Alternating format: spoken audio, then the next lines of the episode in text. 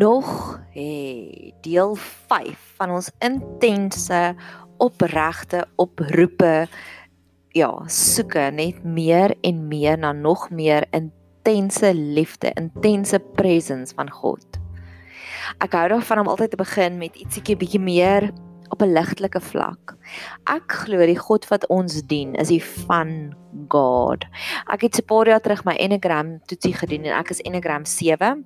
Ons hou baie van van, ons hou baie van pret. So my doelwit vir oggend was 5 pot gooi scenario, gaga beet maak in die slow cooker en dan 1 uur kom my Uber my optel, my pragtige pink donut, pink icing marshmallow vriendin en hier is 'n uitroep vir jou en dan gaan ek en sy op een van ons famous road trips. So ek sien so uit daarna om met saam met haar te gaan. Ons gaan gou-gou skapie optel by een van ons ander vriendinne wat in die dorp bly. So ons gaan inry dorp toe. Ons bly beide hier so in die Bosveld. En dan kom ons terug en dan my een van my ander vriende wat tans met vakansie is, hy's baie hartseer want hy hou baie van tuin maak en sy hoogtepunt van sy jaar is die 2 weke wat sy amarellas blom. En hy sê met vriende met vakansie. So hy so hard. So sê vir my ek kan maar gaan blomme pluk. So ons gaan dan nê in sy 35 meter laning van amarellas loop en blomme pluk. en dan daarna gaan ons na een van ons ander vriendinne toe en ek van sy gaan so 'n bietjie deur 'n rooi uit. Ek het haar blommetjies vat en ek het vir haar mooi sparkly glitter pen. Maar hoekom ek vir jou hierdie hele lang storie vertel is want ek het myself gesê maak 'n doelwit, 5 pot goois vandag, want ek weet dan gaan ek dit soveel meer geniet. Ek weet ek is van gedrewe. So as daar van dinge is in my dagboek, dan sien ek uit ek's baie meer produktief.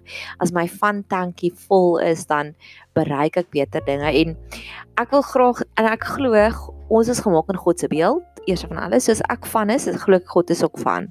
Ek dink hy's baie divers, baie meer divers. Um as wat ons elkeen is, want elkeen van die enneagrams is my baie special maar um ook God sien en wat ek graag wil hê en wil uitspreek oor vanmiddag oor my en my vriendin se kuiertjie is het jy ooit die film Arthur gekyk maar ek praat nou van die 2011 Arthur. Ek weet daar's twee daar was 'n remake van 'n ouer fliek. So kyk asseblief een met Russell Russell Brand ekskuus. Um dit wil ek graag ek indien jy die fliek kyk dan sê jy sien Arthur se woonstel is hierdie van paradys. Daar is 'n pinball masjien, sy bed sweef in die middelte, daar's oral games. Sy bad is so mooi dat hy so mooi uitsig het uit 'n video uit 'n um 'n fliek in sy huis soos 'n big screen film plek, nê, nee, 'n movie huis. Dit is net van van begin tot einde. En dan ontmoet hy hierdie girl, en sy's bietjie meer ernstig en hy wys dit altyd vir hoe van kan die wêreld wees. En hy het hierdie lang, hierdie verskriklike groot vloot van karre en is al dis Batmobiles en allerlei sulke interessante goed. En ek love sy van. En dis wat ek glo as ek God ek glo ons het 'n God van van. Ek dink hy wil net vir ons die lewe van maak. So mag hierdie gebeure jou inspireer om meer die God van van te sien, soos Arthur. En indien jy weer die fliek wil gaan kyk of jy dalk nog nie die fliek gaan kyk nie, gaan kyk dit want dit is so inspirerend. En dan hou ek altyd daarvan om hierdie potgooies op te dra aan iemand spesifiek.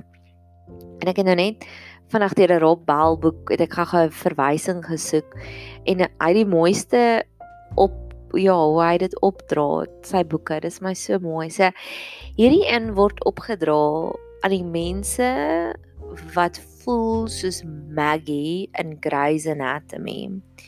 In Grey's Anatomy season 14 is daar hierdie oomblik waar April Kepner val alles in 'n motorongeluk en dan gly haar voet en dan val sy in die stroompie water en dan sy baie naby aan dood. Eintlik tegnies is sy dood.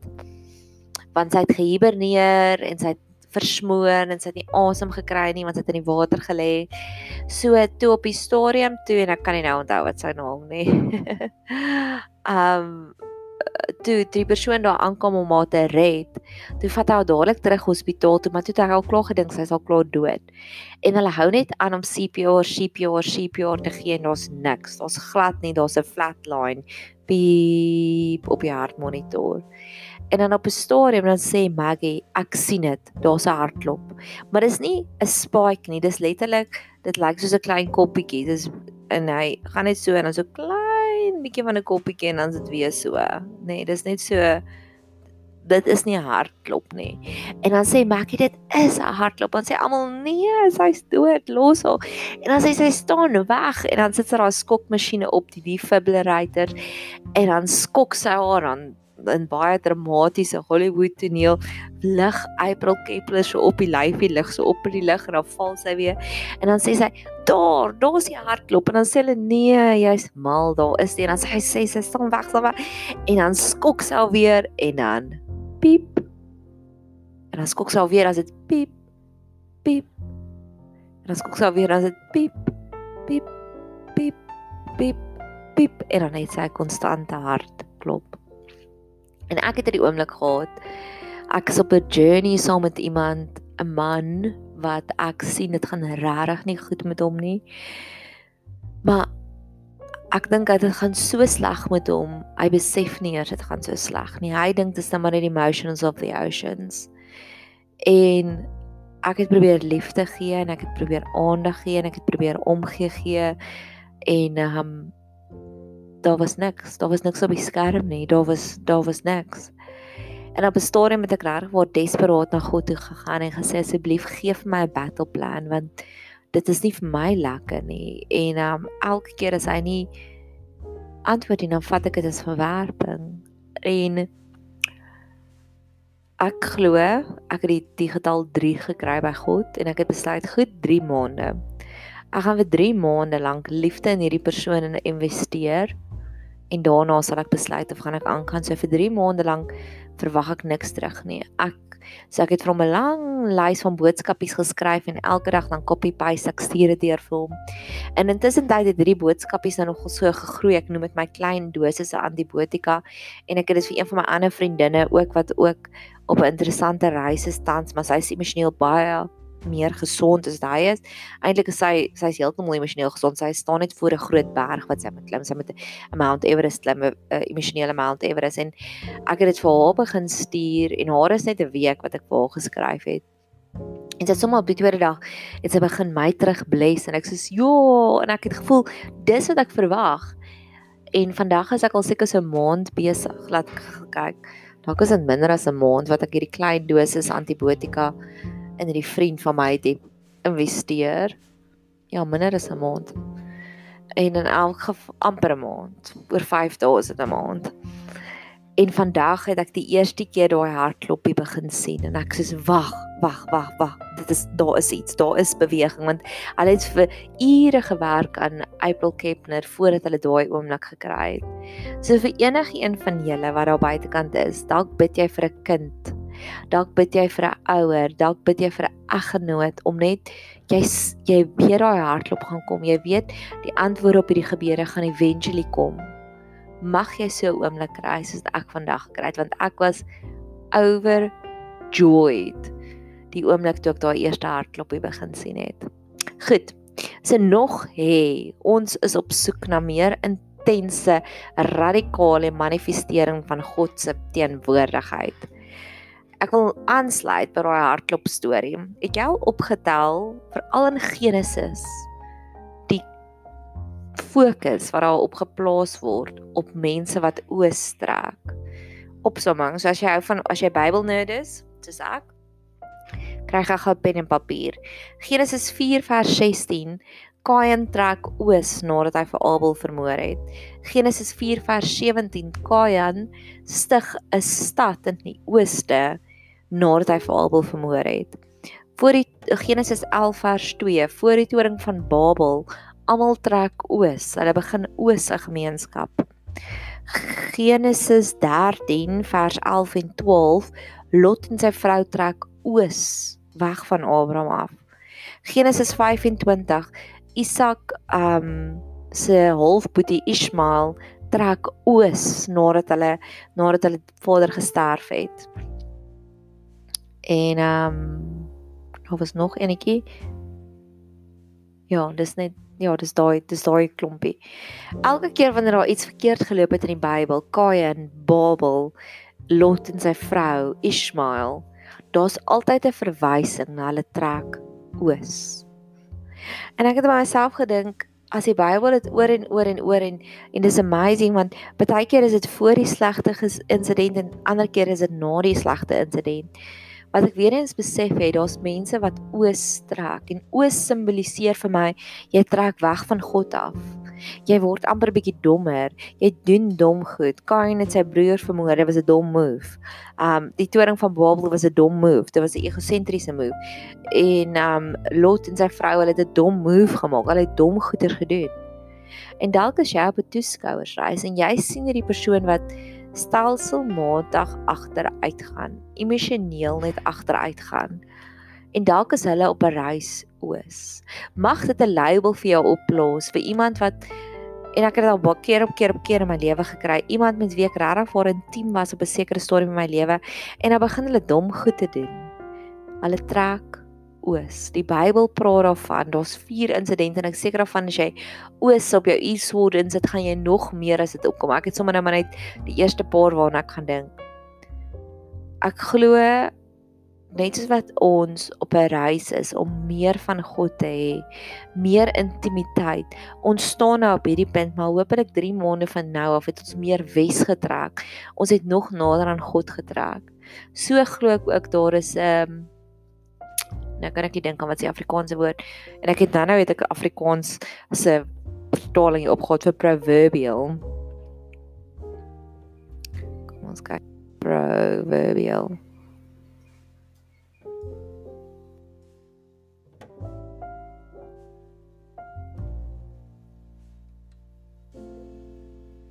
Ek glo net soos dat ons op 'n reis is om meer van God te kry, so glo ek daar's mense wat op 'n spreekwoordelike reis is weg van God af. En dis wat die Bybel noem die ooste se journey om te sê hulle het almal oos getrek. Kain het oos getrek. Hulle het toring van Babel gebou oor.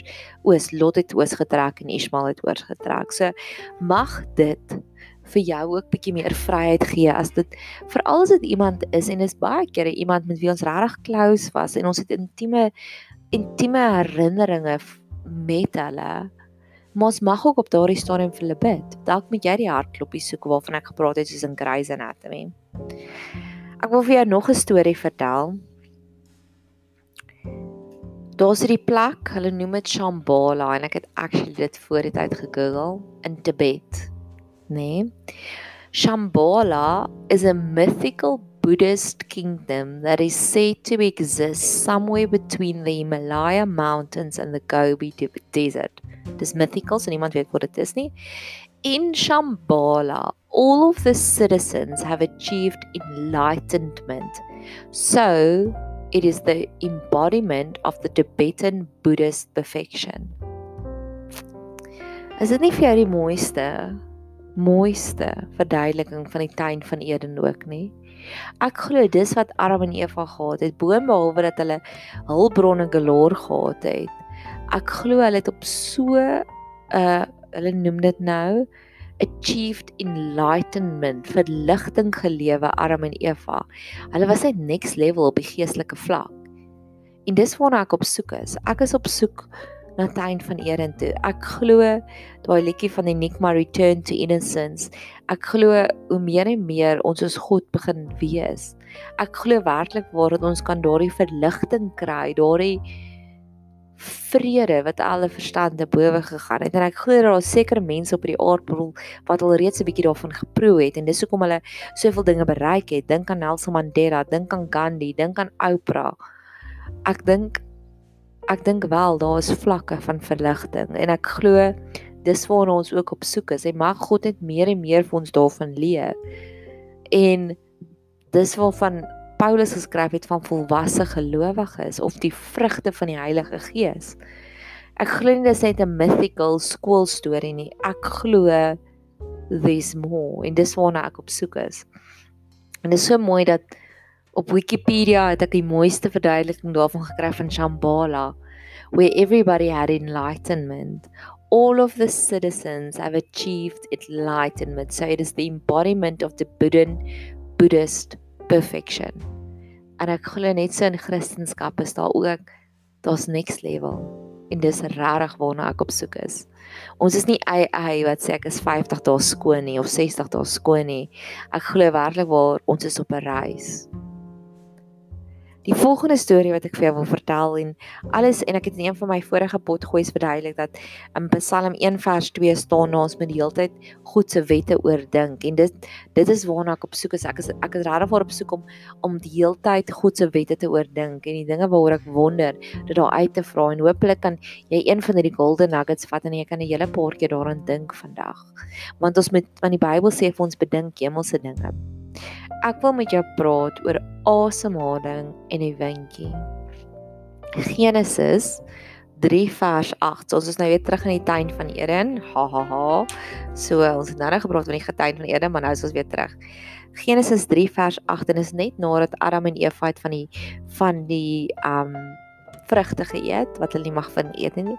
En terwyl hulle die stem van God gehoor, en hulle het die stem van God gehoor, terwyl hy met hoofletter wandel in die tuin in die aand windjie.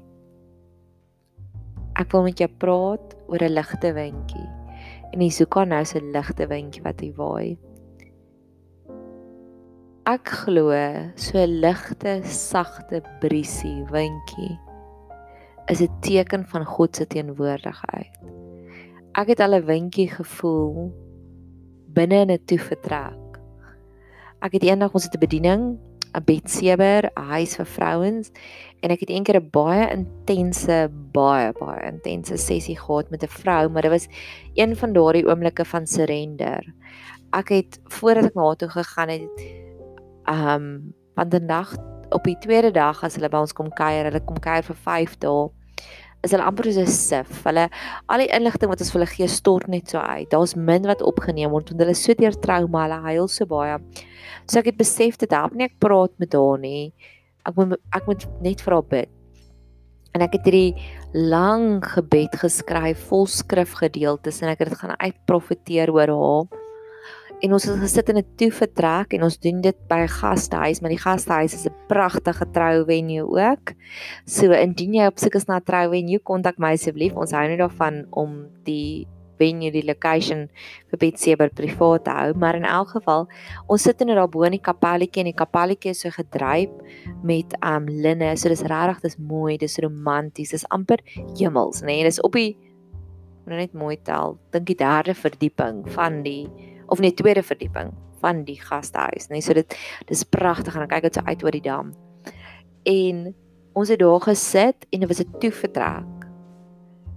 En ewe skielik op 'n stadium toe ek so opkyk terwyl ek ek het vir gebid en dan speel ek 'n liedjie dat die woorde net moet insink en dan bid ek weer vir en dan speel ek 'n liedjie. En die oomblik toe ek so opkyk toe wandel daai, toe warrel daai lappe. En dit was 'n windjie en dit was 'n toevertrek. En ek het al keer op keer gekry op oomblikke waar jy natuur gaan stil raak en ewe skielik kom daar 'n windjie en daai windjie bring hierdie vrede. So mag jy ook God raak sien in so 'n sagte briesie en ek wens jy kon dit nou voel hoe ek nou hierso sit en ek sien die doringboom wat net so saggies wandel. Maar ek wil nog met jou praat oor asem en Hierdie is my interessant. Genesis 2 vers 7. En die Here God het die mens geformeer uit die stof van die aarde en in sy neus die asem van die lewe geblaas. Hé? Mag ons net meer en meer daaraan dink is dat ons het God se asem in ons longe, eerste van alles. En tweede van alles, mag ons God se asem voel. Mag ons mag ons dit meer begin besef dat dit 'n holy sacred moment en ek weet daar's meer. Ek weet hierdie hele asem dit is soveel meer.